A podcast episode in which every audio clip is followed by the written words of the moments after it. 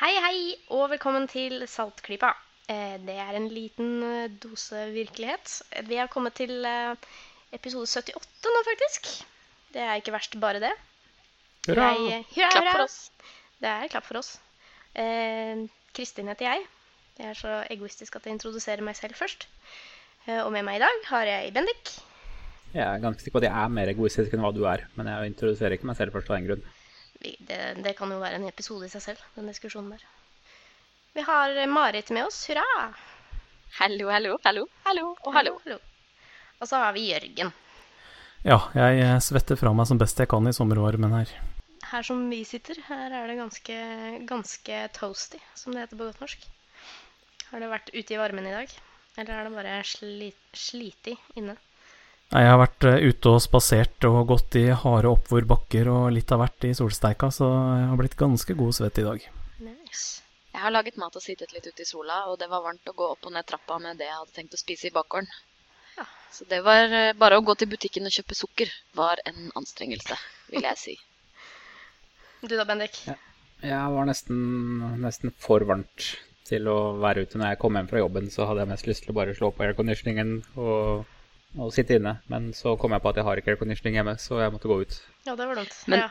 Dere vet jo hva dette betyr. Global oppvarming er sann. Å nei! Det er jo en konklusjon vi kan trekke, og som dessverre sikkert mange trekker. I så fall, velkommen. Mm. Vi skal eh, faktisk eh, snakke litt om sånn derre kritisk journalistikk og rare ting som det blir brukt plass, til, eh, plass på i mediene i denne episoden. Eh, Vi tenkte først å komme med en litt sånn oppdatering fra forrige episode. Jeg hørte Jørgen hadde litt, eh, Jørgen hadde litt eh, småting å komme med der. Ja, jeg snakket jo om dette homofile paret med delfiner i eh, akvariet i Bergen som har overtatt et egg. Pingviner. Pingviner. Eh, hva var det jeg sa? Delfiner? Sa jeg delfiner? Ja, sånt skjer når man er på direkten. Eh, Det i seg selv kvalifiserer jo til million dollar-prisen hvis man kunne påvist at delfiner la egg, tenker jeg. Eh, ja, men, de, men også de er homofile, da. Det kan jo nevnes. Eller har noen homofile eller, Homoseksuelle er vel det riktige begrepet. Det er veldig vanskelig å si om de faktisk elsker hverandre, men de oppfører seg i hvert fall eh, eh, seksuelt med eget kjønn. Det var en avsporing. Eh, dette pingvinparet i Bergen. Eh, først en rettelse fra sist gang. Jeg sa at det var eh, et par som hadde fått to egg og bare kunne håndtere ett. Det var feil. De hadde fått tre egg og kunne bare håndtere to. Så det var den lille rettelsen. Eh, og så var det altså det at de eh, akvariet ga dette egget som var til overs, til et par med to herrer. To pingviner, altså. Eh, og de har nå passet godt på dette egget, og det har klekket. Woho! Eh, de var jo litt redd for at eh, egget kanskje var dødt, men det har altså overlevd. Og de har fått en søt liten unge, som da har fått eh, navnet Pride. Pride! Det var fint. Ja, kjempefint. I like it. Men ellers så kan jeg nevne at uh, pingvinene vil også ha litt problemer med den varmen vi sliter med om dagen, for det er eh, fare for at de ikke overlever den varmen som er nå. Så vi krysser fingrene både for Pride og alle de andre. Så bra. Men når vi snakker om eh, ting som skal oppdateres fra forrige episode, så hadde Marit en liten kommentar til eh, da vi snakket om eh, litt om viral vitenskap. Ja, altså, fordi jeg bare tenkte på en ting eh, når jeg hørte på episoden vår. Og det var at eh, jeg lot det gå fra meg en nydelig anledning til å burne min bror. Så jeg tenkte jeg bare måtte ta hei, hei, hei, hei, hei, hei. Det er den Ja. andre broren du prater om nå, ikke sant? Ikke Nei, meg. nei, nei, det er deg. Det er absolutt deg. Deg, Bendik. Bendik. Oh. Min oh. bror Nå er jeg spent. Um, Jeg òg. Burn away. Fordi jeg og, og jeg mener å huske at Kristin eh, også, kanskje også Jørgen, vi var ganske entusiastiske med tanke på at man eh, lager litt sånn viral vitenskap, og at man for, forenkler, og at uh, I fucking love science fins, og Factoids og sånn. Ja, factoids. Vi Ja. aksepterer at dette er en inngangsport for mange. Jeg prøvde også å dra sånn analogi om at det fins populærmusikk på mange nivåer, og folk må liksom få lov til å nyte ting på det nivået de er på. Um, For meg så er det sånn at det er en sånn myte at man ikke kan nyte vitenskap hvis man ikke er ekspert. Jeg syns det er en litt sånn trist ting. Jeg vil at man skal kunne nyte vitenskap selv om man ikke er ekspert. point. Det var ikke det som var mitt hovedpoeng. Nei, så hva var ditt hovedpoeng? Den likste jenta. Mitt, mitt hovedpoeng er at dette er ikke vitenskap. Det er interessante kuriosa og fakta, men det er ikke vitenskap, for det forteller ingenting av prosessen. Som jo er vitenskap. Og det burde du vite, Marit. Jeg vet jo veldig godt at det ikke er vitenskap. Vitenskap er en prosess og ikke et leksikon. Ja, det, det vet jeg veldig godt. Eh, Og det, og det fokuserer vi jo veldig på i slike programmer som dette her, hvor vi prøver å formidle liksom hvordan man tenker litt mer kritisk. Da. Ja. Jo Men poenget var det, Bendik, at du satt og kritiserte disse tiltakene fordi du mener at det er ikke ordentlig vitenskap, og da er de liksom ikke verdt noe. Men du er jo ikke vitenskaper, du heller. Så du har ikke lov til å kritisere det der, og der fordi du nyter jo vitenskap på akkurat det samme nivået som alle de andre. Nei, fordi jeg De er ikke vitenskap, og jeg er ikke vitenskapsmann, ergo har jeg lov å kritisere de. For de er på samme nivå som meg. Men du, du nyter jo vitenskap selv på det nivået. Jeg nyter vitenskap på et ordentlig høyt nivå, jeg. Ja, du gjør det, ja. Selv om Ja. du ikke er vitenskaper. Ja. Nei, der syns jeg at du fortjener en liten burn, altså. For du, eh, for du eh, disser eh, folk som du mener er dårligere enn deg selv, og så er du akkurat lik som de. Så det så. Ja, den, Så det så. Da har vi tatt den søskenbeefen offentlig, Ja. og så kan vi fortsette. Vi får ta en sånn paneldebatt som en sånn eh, fringe-event for kritisk masse i høst, kanskje? Skal Ja, vi gjøre det? hvilket søsken, Ja. hvilket søsken er best? Marit versus Bendik. Yes. Ja. Veldig bra. Jeg kan se for meg plakaten allerede. I sånne boksekamp-stilplakater. Å, fint.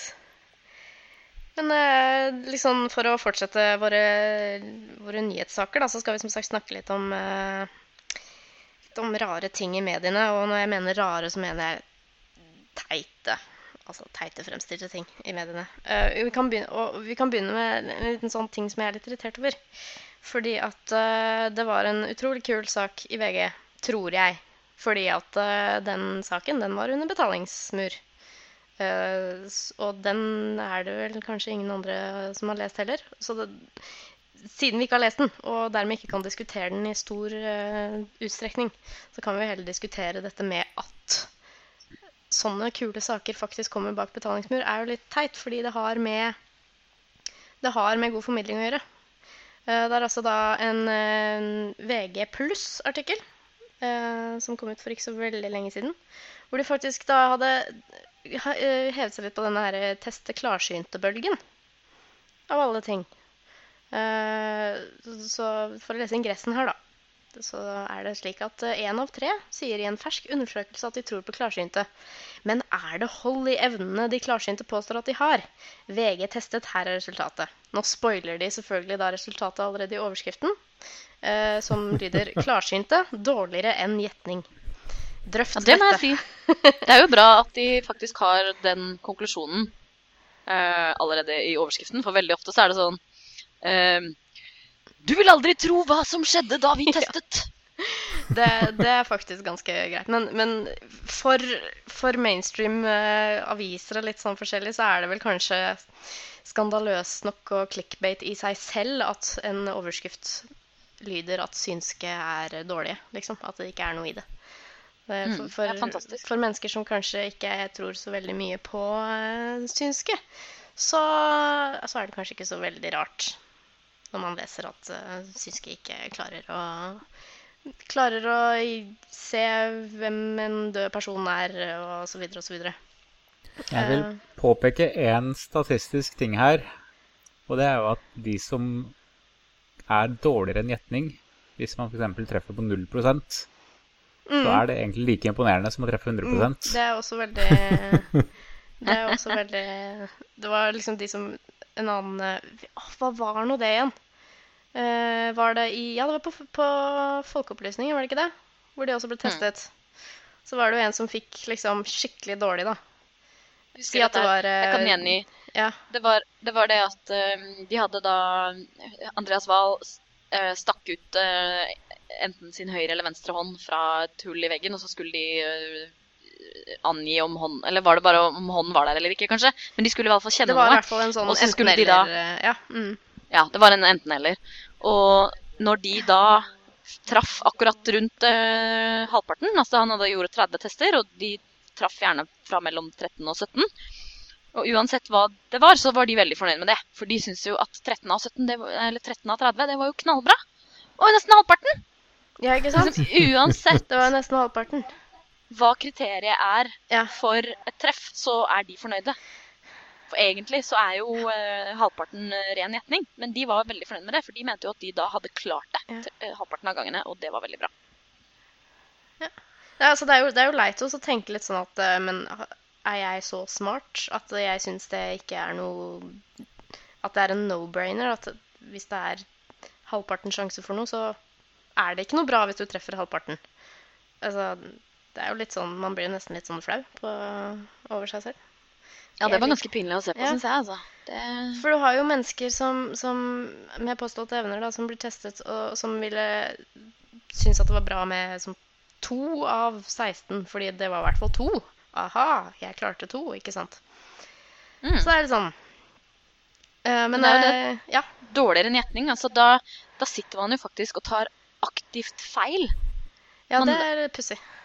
Altså, man Ja, det er jo Da har man jo på en måte startet på en prosess som ikke engang eh, burde la seg betale for. Altså, de som opplever det fenomenet der, burde jo klage til Forbrukerombudet uansett. Antar... Fordi ikke engang noen få får eh, en god opplevelse. Nei. Nå antar jo jeg at eh, i VGS sitt eksperiment så har de jo ikke akkurat eksperimentert med 1000 forskjellige påståtte klarsynte. Det var vel en par-tre stykk, sikkert? Eller Ja, sannsynlig. Og vi håper jo at det ikke bare var 50 sjanse for å få det riktig også. Ja.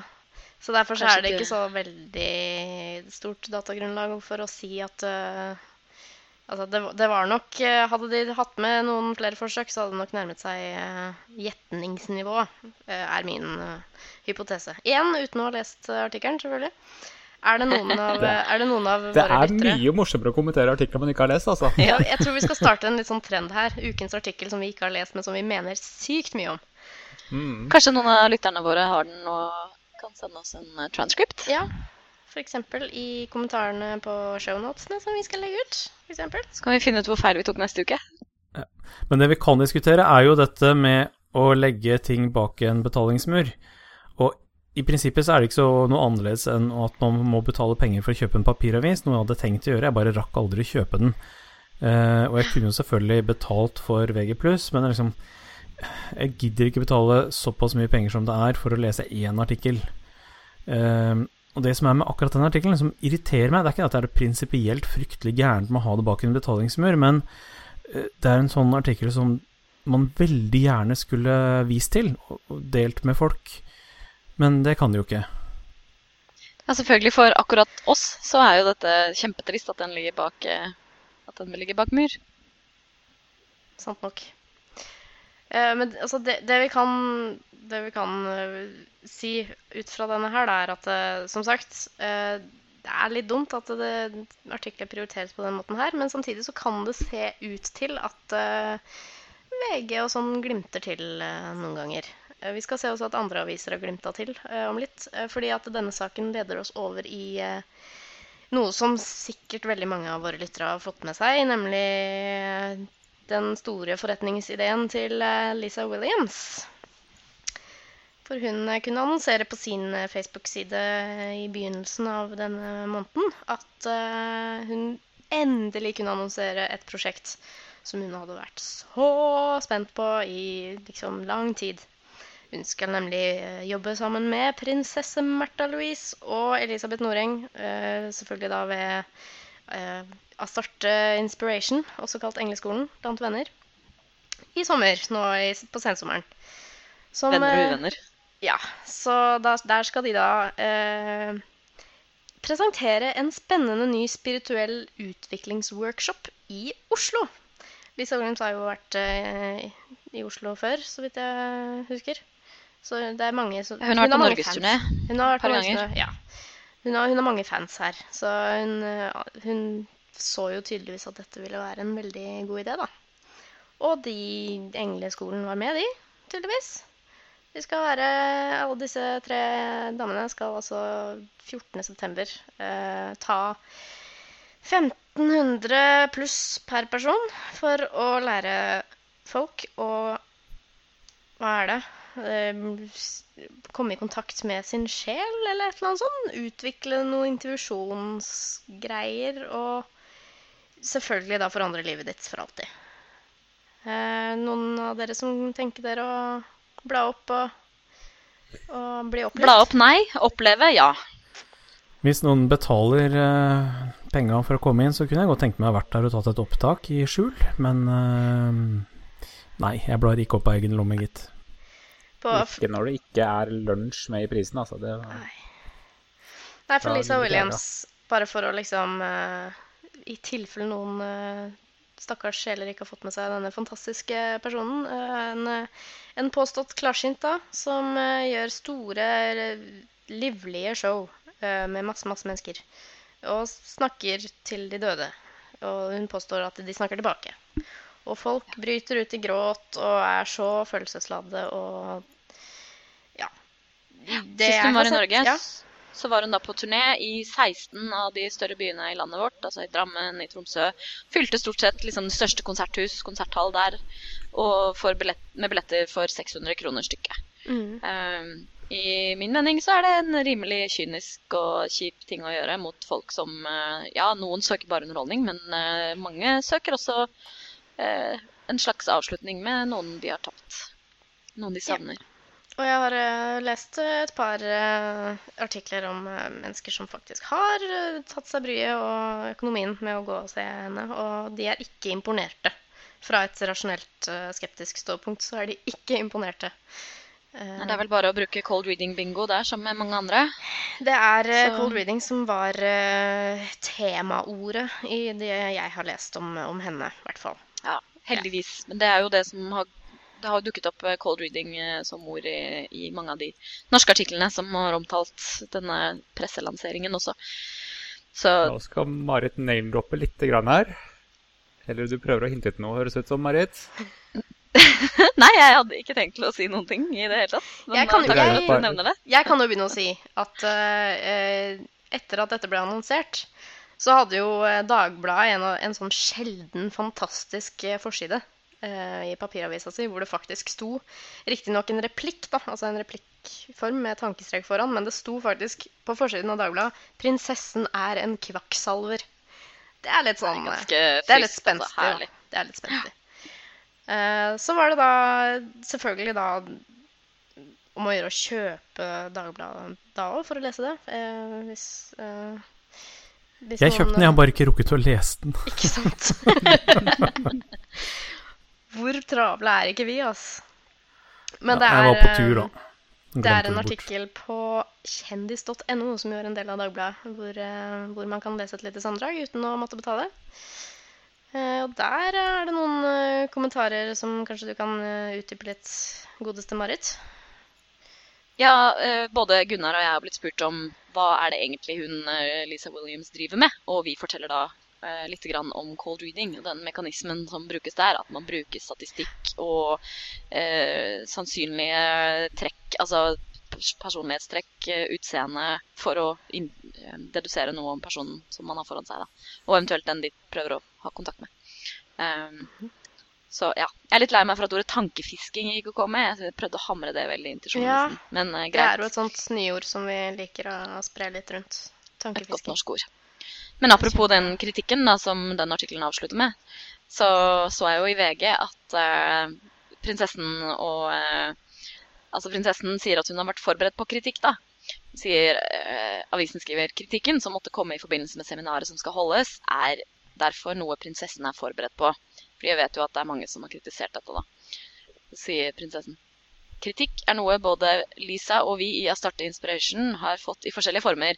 Det er vel ikke unaturlig at det er utfordrende for noen når vi snakker om forskjellige fenomener som for mange oppleves fremmed. Det har vi et greit forhold til, svarer prinsessen og Noreng.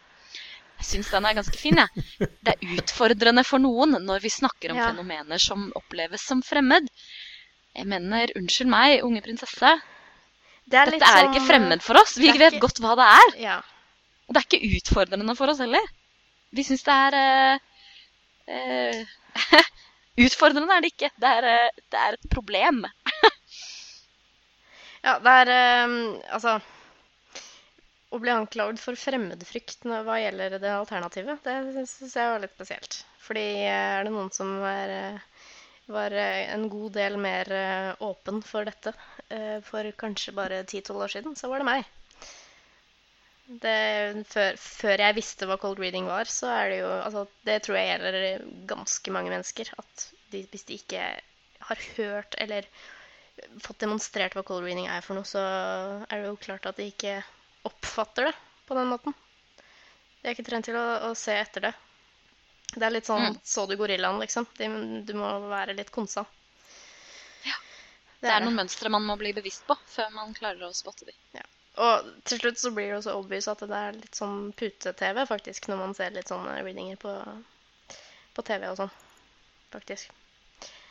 Kanskje det er det Eh. hun henviser til, at det er utfordrende å se på det da. Mulig.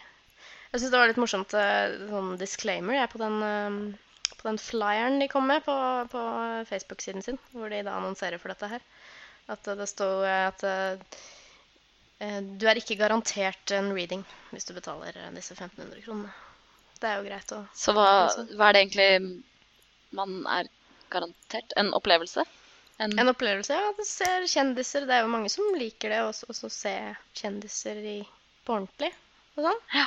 Prinsessen og Lisa Williams har også vært på TV. Hun hadde jo sånn serie som gikk på, på TV her. Hun husker det. Husker hun, sånn, hun har sånn ekstrem sånn jordnær eh, tilnærming. da, Veldig sånn entertainment. Litt sånn Akkurat som sånn close-up-magi, bare synsk, hvis du skjønner. Gikk litt sånn inn i en tilfeldig klesbutikk på gata med kamerateam etter seg og bare plutselig begynte å reade en eller annen. Veldig sånn derre hjemlig. Litt sånn ah, Så lo og skratta og lo. Veldig sånn uh, likende. Da. ja. Ah. Det er lurt å være likende hvis du skal lure folk. Ja da. Så eh, det er jo eh, Hvis man leser kommentarene, da, som man egentlig ikke skal gjøre på sånne artikler, men hvis man leser kommentarene, så er det kanskje en overvekt av eh, litt mer fornuftige folk. Så det er blant annet en som sier på denne VG-artikkelen regner med at Økokrim deltar på seminaret. Så det er det svindelnivået han mener det ligger på, da. Det kan jo diskuteres. Men eh, ja, det er eh, Det er omtrent like omstridt som uh, temaet til uh, Human-Etisk Forbunds kampanje 'Ingen liker å bli lurt'. Det kan jo se ut som de fleste kanskje liker det likevel. Det kommer helt sikkert til å selge ganske bra. Uh, Dette blir det da brukt tid på i norske medier. Det kan jo diskuteres om det er bra eller dårlig. Det er jo greit å få satt søkelys på det, og kanskje få litt opp i lyset da, at eh, folk faktisk eh, da i kommentarfelt osv. begynner å skjønne at dette kanskje ikke er helt ikke helt kosher allikevel. Nå er vi inne i agurktida, og det er liksom topptid for eh, diverse tulleartikler om eh, å, det er spøkelse i huset vårt, og se denne mannen som trommer på en tromme fjernet alt sammen. Jippi! Det er litt sånn uskyldig glad. Eh, Og det er litt deilig at eh, noen av riksavisene faktisk tar sånne saker eh, fra en skeptisk vinkel. Ja, og, og i hvert fall slipper til kritiske eh, stemmer på forsida. Det er Det kan jo kjempebra. jo nesten beklageligvis tyde på at det er det som skal til. At de har litt, eh, litt god tid på sommeren og tid til å dykke Ferievikarer og Ja. Og, og, og, og speaking of helt apropos eh, Når jeg var på vei hjem fra jobben i går, så gikk jeg forbi to fakirer som satt og svevde Å, ja. så fint! midt i Oslo sentrum. De og det sto liksom 100 folk rundt og så på. Og folk hadde fram mobilene sine og tok bilder og sto og måpte og gapte. Alle er- som en. Det er nesten minst like fascinerende hvor fascinert folk blir. Hvor, hvor Ja. lenge Ja. de, de står der og er fascinert. Det er akkurat som de venter som- på at noen skal eksplodere eller et eller annet sånt. Det er helt vilt. Altså, I min mening så er jo den store bragden med det trikset der, det er jo hvor lenge de sitter der uten å gå opp og ned. Altså Det er hvor Mm. lenge de klarer å holde seg uten å gå på toalettet og drikke masse vann. Ja, eh, det er det som er bragden. Fordi er er når de går opp og ned, så ser man jo hva som er trikset. Ja, de Så jo her er det sånn mega spoiler alert, da. folkens. Ja, ikke hør på oss nå. Ja, dette her var en, eh, en toetasjers sveving. Oi! Det er det det, er det, det nesten alltid er. Det er nesten så- alltid to personer, og så har de gjerne på seg litt flagrende klær.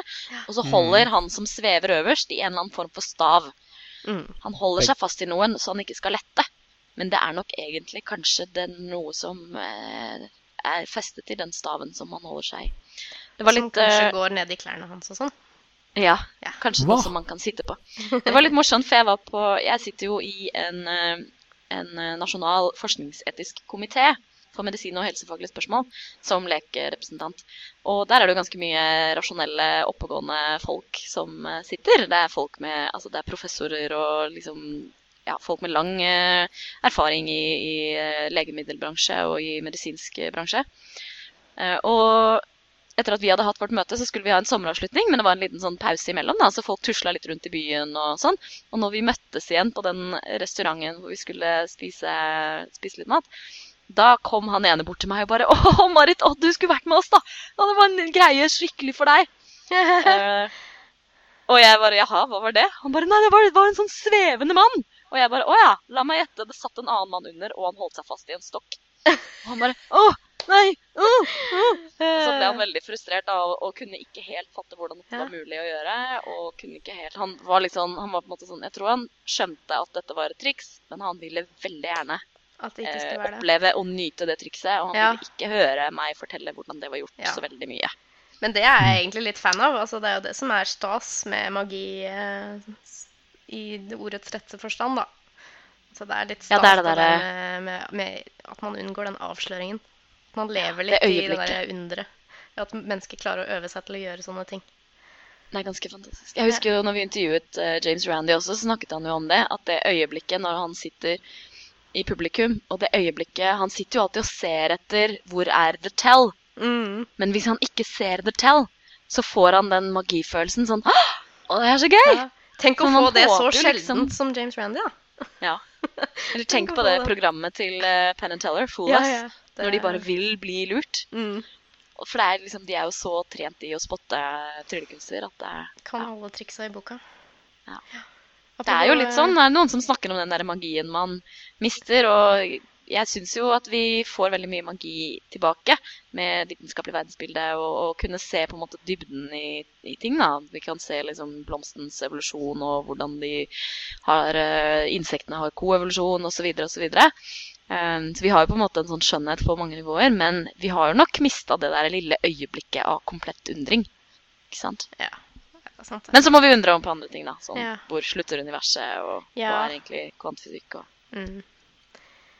Og, det er andre sånne spørsmål å få spørsmålstegn i øynene.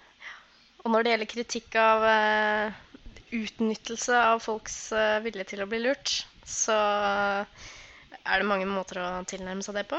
Vi kan snakke litt sånn snarky om det på Saltglypa f.eks. Jeg vet ikke hvor konstruktivt det er, men det er jo, man må jo bare få det ut iblant. Men eller man kan Det er bruke så sabla gøy. Ja, eller man kan bruke vakre språklige virkemiddel og skrive en artikkel for skepsis.no, slik som nestleder Kristoffer har gjort. Uh, han har skrevet et lite moderne eventyr om uh, Ja, det var en gang en prinsesse osv. Den skal vi linke til. Den syns jeg og dere måtte, må lese, altså. Den syns jeg var skikkelig hyggelig, faktisk. Ja, den Den var var veldig velskrevet. godt Og dagens lille anbefaling der. Ja. Skepsis.no. sånn, sånn, sånn helt apropos ingenting, men apropos dette eventyr, den eventyrspråkformen, da, så hadde jeg en sånn lignende oppgave på skolen en gang, husker jeg. Hvor jeg gjorde en skikkelig bra oppgave med å ta et litt sånn humoristisk vri på prinsessa som ikke ville målbinde. Jeg kjente meg nesten litt igjen der. Veldig gøy.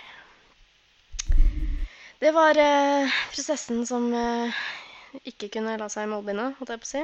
Hun får bare Det vil si. Marit. tenkt mer på Märtha i Ja. men uh, vi får Jeg er ikke noe eh, prinsesse, men Nei. jeg lar meg ikke målbinde, så Hvis det er noen som eh, på å si driter penger, som har lyst til å ta seg en tur, så er det bare å si ifra til oss, så skal du få lov til å lage en liten reportasje for oss. Eller i hvert fall skrive til oss og si hvordan det gikk. Jeg har en liten anelse. Um, Er du klarsynt, Kristin? jeg har alltid anelser. Jeg vet ikke helt hvor de kommer fra. Men eh, vi skal litt ut av landet. eh, fordi eh, i Jeg kan nevne at i, i Saltklypa episode 23 Det er jo i hvert fall tre år siden, tror jeg nesten. Så tok vi opp en og Vi diskuterte noen skriverier i mediene om en, om en intern rapport hos BBC. Som konkluderte med dette her at eh, den kanalen, BBC, tillegger altfor stor vekt på eh, ytterliggående meninger sammenligna med bredt aksepterte konklusjoner i forskning. da. Det handler selvfølgelig om det vi kaller for eh, Eller i hvert fall det vi skeptikere liker å kalle falsk balanse i mediene. Litt sånn der snakker, med, snakker om klima, klimaendringer, så må de alltid dra inn en eller annen tøys, tøyseperson som eh, tror at eh, sola driver all oppvarmingen, eller at uh, jammen på Mars, et eller annet, et eller annet. Uh, og da liksom I og med at i andre områder så tar de alltid med to sider av samme sak, så tror de at det samme kan apply to science. Noe det Så, da altså var, ikke kan. bare, bare en apropos uh, idioter å snakke om Mars. Så hørte jeg en, en historie fra den amerikanske kongressen denne uken her. Og vi liker jo liksom å tro at de folkevalgte selv i Amerika er intelligente og smarte folk. Eh, så klart, det er de ikke, men spoiler alert. Eh, så det var, det var da en, en republikaner, jeg husker ikke fra hvor, som Jeg tror det var Kentucky. Det høres riktig ut. Mm. Som ville tale den globale oppvarmingen imot.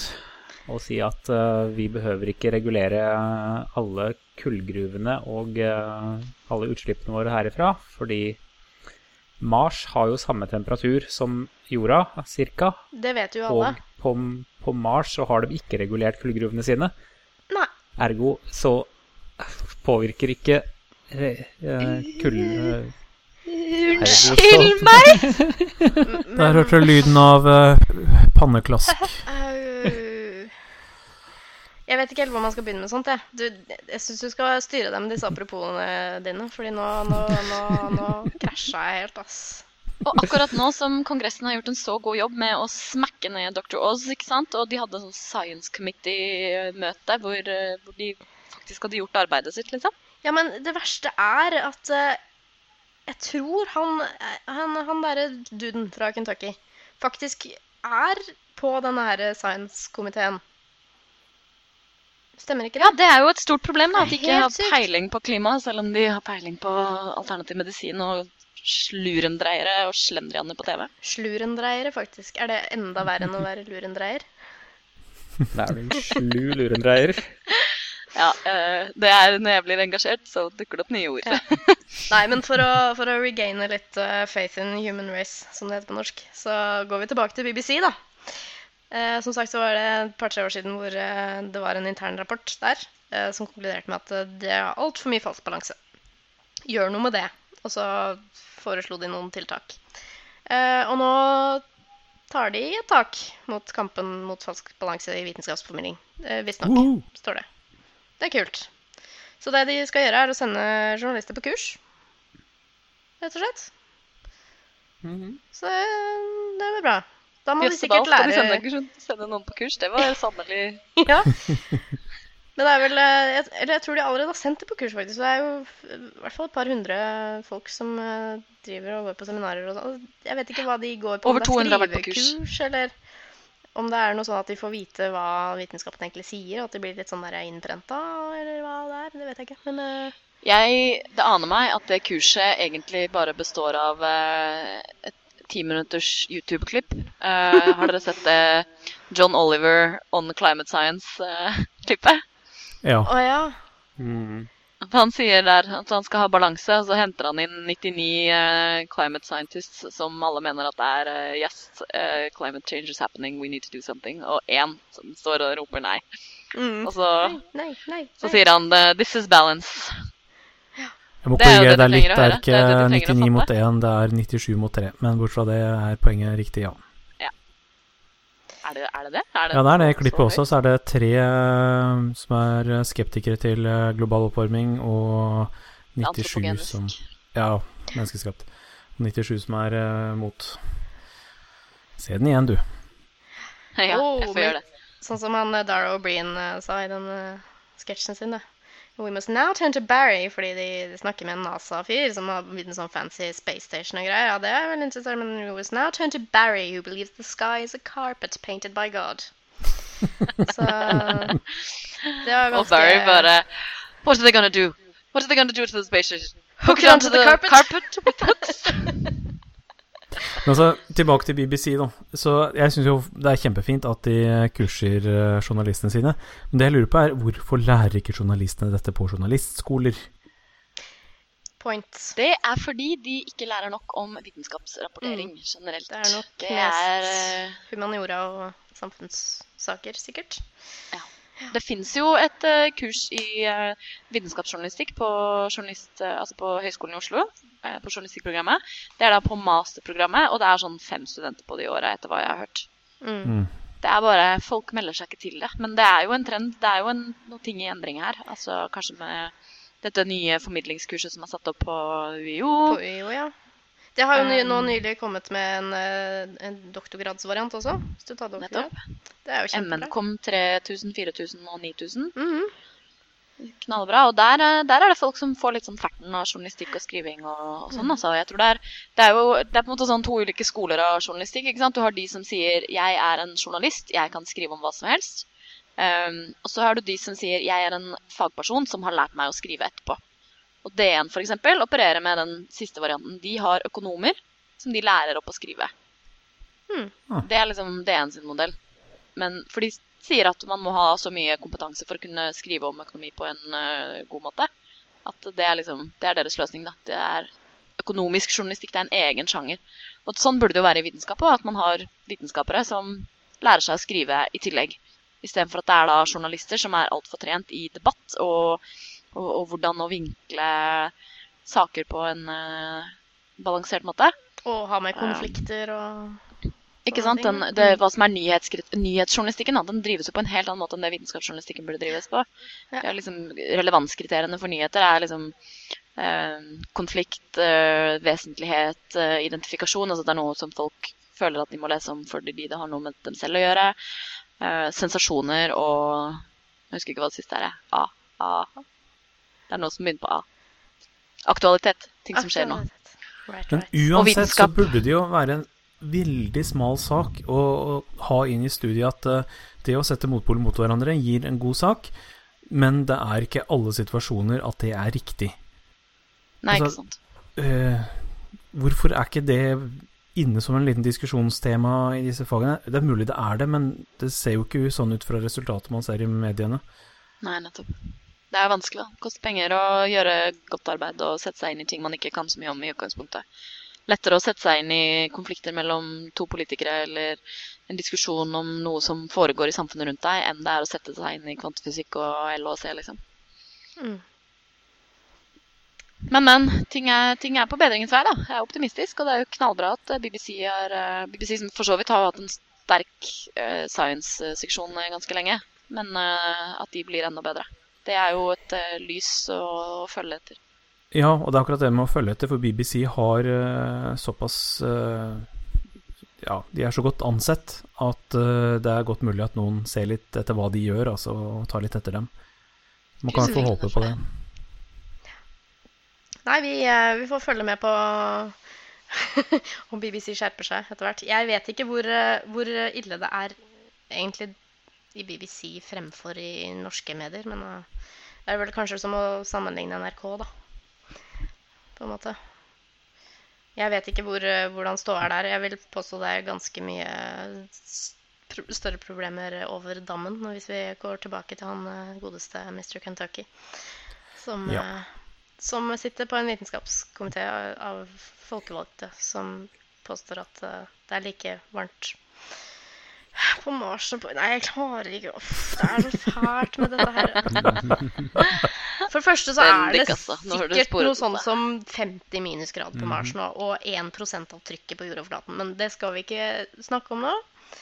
Eh, han syns jeg bare skal ta seg en bolle og et kurs, egentlig. En bolle og et kurs. Ja. Gjerne begge to på en gang, så blir han kanskje litt bedre i, i bedre humør. Så han ikke klarer å snakke på kurs. Ja.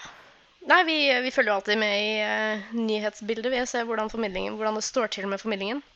Og det er fint, eh, sånn som vi har snakket litt om i dag, at det, det er litt sånn Det blir tatt litt kritisk eh, noen ganger. Eh, litt sånn litt sånn kritiske vinklinger. Det er, det er fint å ha. Men eh, to uker senere så kommer det like ille sak som eh, man kan panneklaske litt om. Jeg tenkte vi skulle snakke litt om noe, eller eh, kanskje Marit har lyst til å begynne det, fordi at hun hadde lest en sak om eh, litt sånn, ja, litt fakta og liksom hva vi tror på og sånne ting. Ja, apropos formidling. Ja. Apropos formidling. Um, det er jo veldig interessant eh, dette her med form- vitenskapsformidling. Jeg er jo en fan av det og en eh, aktivist eh, for det og, en, og aktiv i det. Men, men jeg tenker jo veldig mye på hva er det egentlig som virker? Og kan man egentlig måle hva det er som virker når man prøver å formidle noe? Får folk egentlig med seg noe som helst? Skjønner de noe? Kla- Klarer de å knagge det på det de har lært på skolen, eller liksom blir det nye ting? Ehm, hva er det egentlig befolkningen veit om dette her? Om vitenskap og om nyhetene de leser. Og det er jo et par eh, forskjellige studier og sånn som gjøres uh, jevnlig for å, å måle befolkningens forståelse av vitenskap. I Europa så er det en som heter Eurobarometer. De spør jo også et par eh, andre land, f.eks. USA, eh, hvor, de, hvor de spør om sånne general knowledge-ting. da, sånn om jorda går rundt sola eller andre veien, eller ja, hva er det som skaper årstidene, og de spør litt om kroppen og sånn. Um, og jevnt over der så gjør Norge det ganske greit. Vi har relativt god vitenskapsforståelse. Ehm, og det Ja, det er veldig fint. Eh, men det er alltid noen spørsmål som man skjønner at pga. hvordan dette spørsmålet er stilt, så får man et svar som er litt merkelig. Eksempel så, så pleier en av de seksjonene i den eurobarometerstudien være Altså den gjøres jo med jevne mellomrom, da. eh, pleier å være hvor vitenskapelig er dette feltet? Og så ramser de opp f.eks. matematikk, fysikk, økonomi, medisin, Mm. astronomi osv. Og en ting de da har gjort, er å spørre folk hvor vitenskapelig er astrologi. Mm -hmm. Og når du spør hvor vitenskapelig er astrologi, så vil man jo at folk skal svare veldig lite vitenskapelig. Men det er ganske mange som svarer at det er veldig vitenskapelig. Og det eh, Svein Sjøberg, norske norsk eh, professor, han mente at det sannsynligvis var noe med spørsmålsstillingen der. Han kunne ikke helt fatte at det skulle være så innmari dårlig forståelse av at astrologi ikke var en vitenskap. Så han tenkte at det har sikkert noe med at det er så likt astronomi å gjøre. Og fikk da byttet ut det ordet i halvparten av studiene med horoskop. Og Ja. poff, så sank andelen av folk som trodde at det var vitenskapelig. ikke sant? Mhm. Så folk er liksom ganske greit orientert om ting. Men det er innmari viktig hvordan man stiller spørsmålene.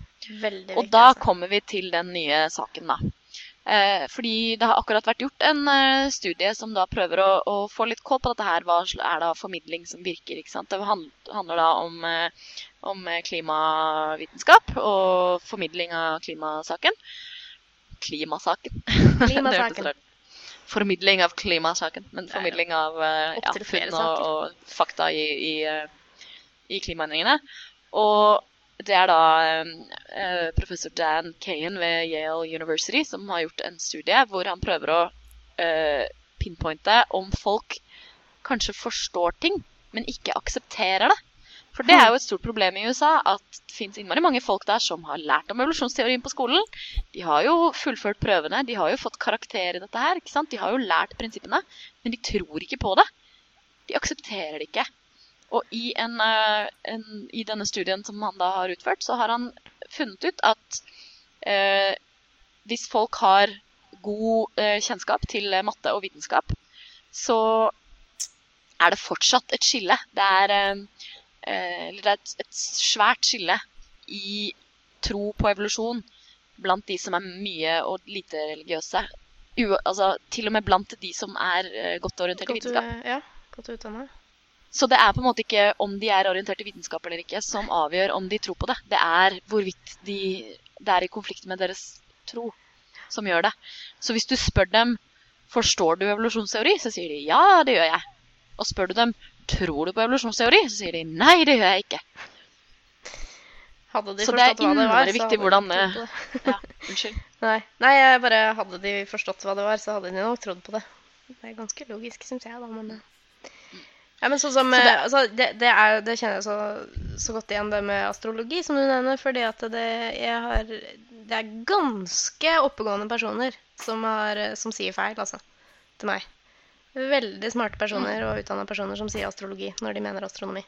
Jeg har eh, jo kanskje til og med hørt deg si feil en gang, Kristin. Ja, det kan godt hende at jeg rabla litt på klypa. Det kan godt hende.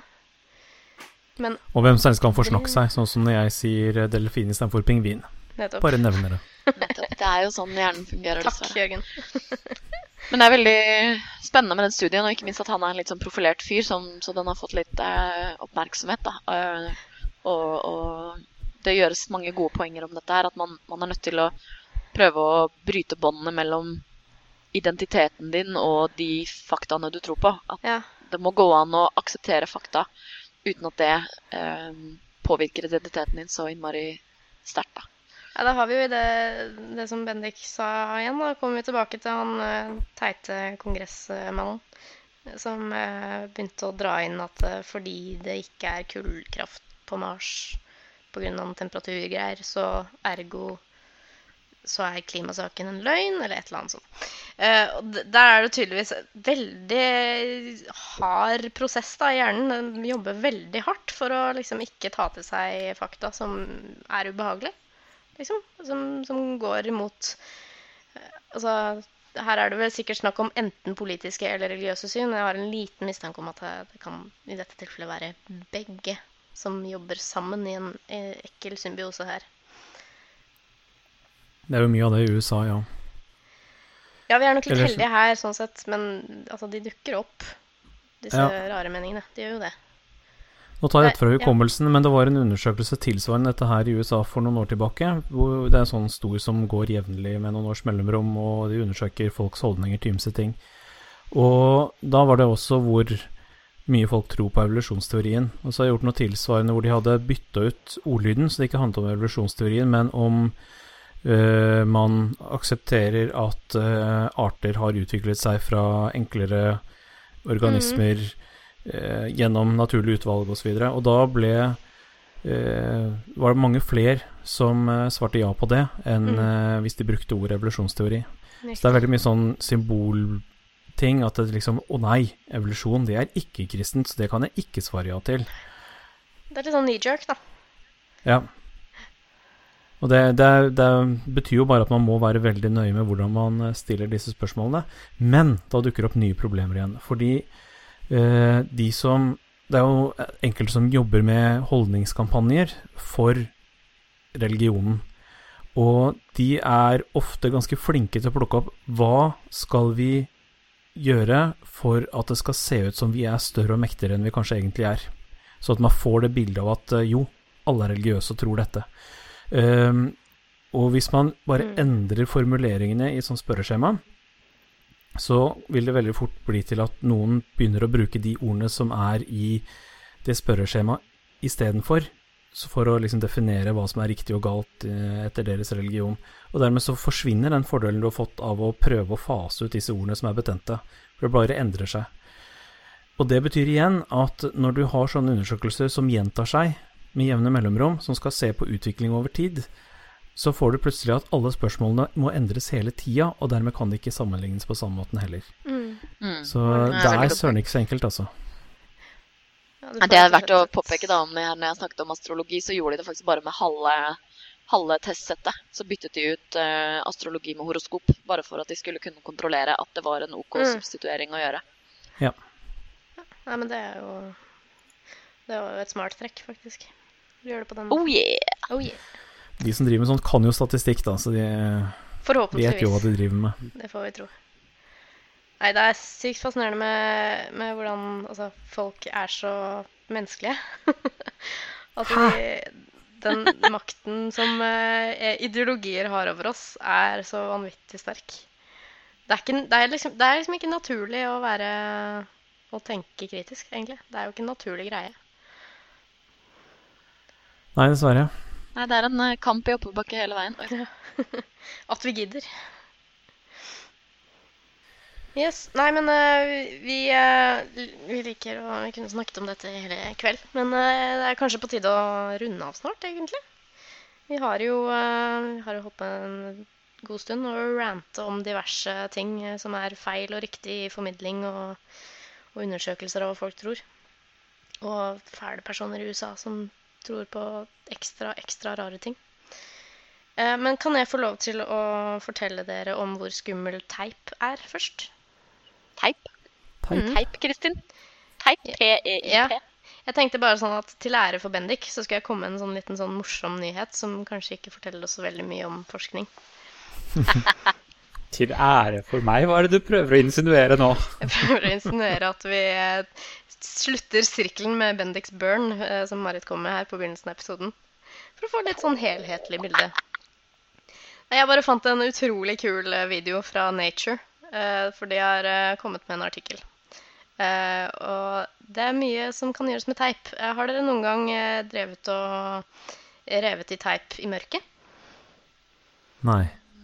Revet i teip i mørket? Nei. Ja, liksom nei. revet, det sånn. Det, jeg tror jeg vet hvor du skal hen. og jeg, jeg vil komme med en, eh, med en forutsigelse uten å ha hørt hva du skal prate om. Jeg tror det er mye morsommere å gjøre det med en konvolutt. Ja, det, det har blitt gjort på konvolutter også. Og eh, ikke Jeg fikk en umiddelbar assosiasjon til sånn klissete ting vi fikk i Donald-blader som barn, hvor når du tok det mellom fingrene, og så skilte du fingrene veldig fort, så kom det sånne små gnister. Helt riktig. Eh, det, det, det, denne effekten ble først påvist av eh, en fyr eh, som brukte sukkerbiter. Det går også veldig fint hvis man gnikker sukkerbiter. Nå skal alle hjemmelekse til neste gang. Alle gå og hente to sukkerbiter i skapet, slå lyset og gnikke i vei. Så ser dere lysshow. Jeg har ikke sukkerbiter. hint? Men eh, altså, greit med å rive i teip og uh, få blått lys og sånn, men eh, er det så skummelt, da?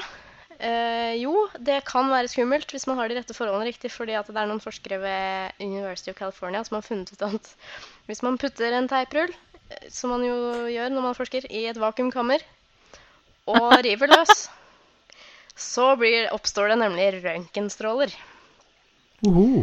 What? Yes. Så fascinerende. Ja, eh, det er jo veldig liten del av disse her eh, utladningene som skjer, da, som er røntgenstråler. Men allikevel så var det faktisk kraftig nok til å kunne ta et lite røntgenbilde av fingertuppen til den ene forskeren. Det viser hei. vi frem i en video som jeg godt kan dele med dere alle sammen nå eh, i shownotene. Dere Eh, kan ikke sykt. høre det, men jeg er veldig overrasket og har haka på bordet. Ja. Det er sånn hakeslepp-lyd. Jeg kan si litt om denne lyseffekten, da, bare for sånn avslutningsvis. Den heter triboluminescens. Eh, Og i eh, Store norske leksikon kan vi lese følgende definisjon av dette her. Det er en eh, lysutsendelse som oppstår når krystaller rives i stykker ved gnidning. Så det skyldes en slags sånn utladning slash eksitering, da, når atomene i krystallene ble påvirket mekanisk. Hvor de liksom Altså, de separerer motsatte ladninger, og det, det må jo da nøytraliseres igjen. og Da slipper de løs energi i form av lys. Og hvis det er da lite nok luft eh, rundt som kan forstyrre, så vil jo denne ladningen bygges opp ganske mye og kunne bli ganske energirik. Så røntgenstråler Det har faktisk vært eh, hypotese om dette helt siden eh, 50-tallet, faktisk. Men det var litt sånn dubious forsøk og dubious konklusjoner, så det har aldri helt vært sånn skikkelig påvist da, før nå. Sier du at de ikke klarte å putte en teiprull inn i vakuum før nå? Nei, jeg vet ikke om det var eh, Det, det var vel mye sånn synsing og tankeeksperimenter, tenker jeg. Det var kanskje ikke så stor vilje til å prøve. Ikke at jeg skjønner hvorfor, for dette er jo et utrolig kult eksperiment. Altså, Det er dag én når du begynner på forskerstudiet. Ja. Liksom, teip i vakuum. Altså, det overraskende her er jo faktisk at de, de river jo ikke sånn med stor fart eller noe som helst. De river sånn skikkelig sakte, mye saktere enn det vi gjør når vi skal pakke inn pakker, liksom.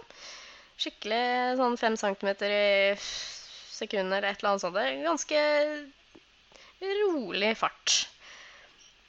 Og det er, en sånn, sånn, det er jo faktisk ganske mange mysterier rundt det her. De er jo ikke helt sikre på mekanismene, faktisk. Fordi eh, det, det limet på teipet, da, det er jo faktisk ikke krystallinsk av natur. For, eh, som jeg sa, så hadde det jo noe med krystaller å gjøre.